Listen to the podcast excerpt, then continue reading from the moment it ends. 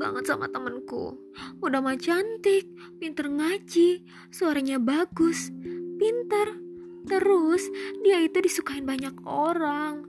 Lah, aku mah apa coba? Cuma rumah-rumah tahu Sumedang doang.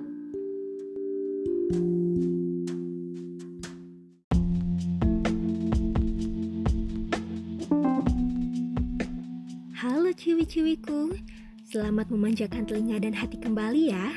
Dengan aku, Alifah, di podcast Just For You. Hanya untuk kamu.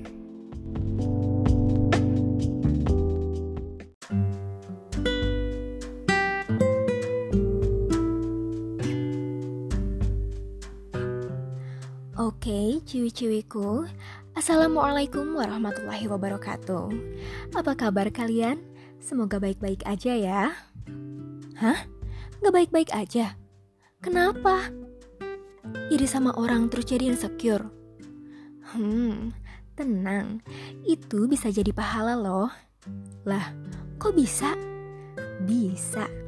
Asalkan kalian ciwi-ciwi di sini bisa mengubah insecure itu jadi syukur. Ah, kakak biasanya ngomong doang. Kan kakak hidupnya udah enak. Eits, Siapa bilang? Aku juga pernah ngerasain tuh yang namanya insecure. Apalagi nih, aku kan asalnya dari daerah. Dan tiba-tiba waktu SMP itu sekolahnya di kota. Uh, serem gak tuh? Insecure parah dong. Ditambah banyak teman-teman yang juli di sana. Terus gimana? Kok kakak bisa jadi bersyukur? Oke, aku kasih tips ya Khusus buat kalian ciwi-ciwi yang udah ngeluangin waktunya buat dengerin celotehan aku ini. Langsung aja ya. Pertama, kalian ciwi-ciwi harus ingat tujuan dan tugas kalian di dunia. Dan harus ingat juga bahwa kalian adalah pemeran utama di kehidupan kalian masing-masing. Yang berhak atas kalian tentunya adalah Allah Subhanahu wa taala, orang tua kalian, karena kalian belum menikah kan? Sama kayak aku. Dan tentunya diri kalian sendiri. So, dengan itu kalian akan paham tujuan hidup kalian di dunia ini untuk apa? Untuk beribadah kepada Allah. Jadi pemimpin di muka bumi ini. Ya, paling tidak kalian bisa memimpin diri kalian sendiri.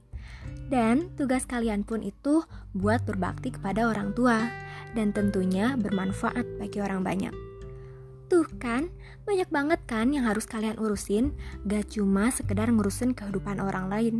Terus kalian jadi insecure berlebihan, gak banget deh. Kedua, banyak-banyak bersyukur ya. Banyak orang lain yang mau di posisi kamu sekarang. Udah, jangan kebanyakan lihat ke atas. Pegel. Sesekali lihat ke bawah deh. Kalian itu hebat loh banyak yang belum dikasih kesempatan sama Allah buat ada di posisi kalian ini. Sesekali lihat deh kayak orang di jalanan, pengemis, pemulung. Wahai kalian ciwi-ciwi, kalian tuh lebih beruntung loh. Ketiga, ambil sisi positif dari celotehan buruk atau sikap buruk orang lain kepada kita. Aku pernah loh berada di posisi yang sangat amat tidak menyenangkan bagi aku. Rasanya tiap hari itu insecure mulu bawaannya. Lah, kok bisa berubah? Ingat lagi ke tips pertama ya, ciwi-ciwiku. Itu yang bikin aku bersyukur. Dan yang terakhir adalah lakukan perubahan. Ah, gak percaya aku. Paling kakak cuma menghibur kita-kita aja. Eits, enggak dong. Aku bicara sesuai fakta dan itu aku ngalaminnya sendiri loh. Jadi waktu SMP teman-temanku itu keren banget. Pokoknya stylish, terus cantik-cantik. Bahkan ada yang pernah musuhin aku tanpa sebab, tapi kerennya dia itu sering puasa juga loh. Terus aku juga pernah ngalamin di mana aku itu juara umum dan mereka seakan gak percaya itu. Hmm, sedih kan? Lah, aku anak daerah bisa apa? Hmm, akhirnya aku putuskan untuk mengambil sisi positif dari semua itu. Lalu, aku coba ubah hidupku waktu SMA. atau sekarang orang lebih menyebutnya itu sebagai hijrah. Jeng jeng jeng. Waktu reuni SMP pas tahun kelulusan SMA, mereka shock lihat aku karena si Ulat udah jadi kupu-kupu sekarang. Dan maha baik Allah, aku keterima di universitas yang mereka idam-idamkan pula. Tapi Allah hanya menitipkan nikmat itu kepadaku. Hmm, masya Allah kan.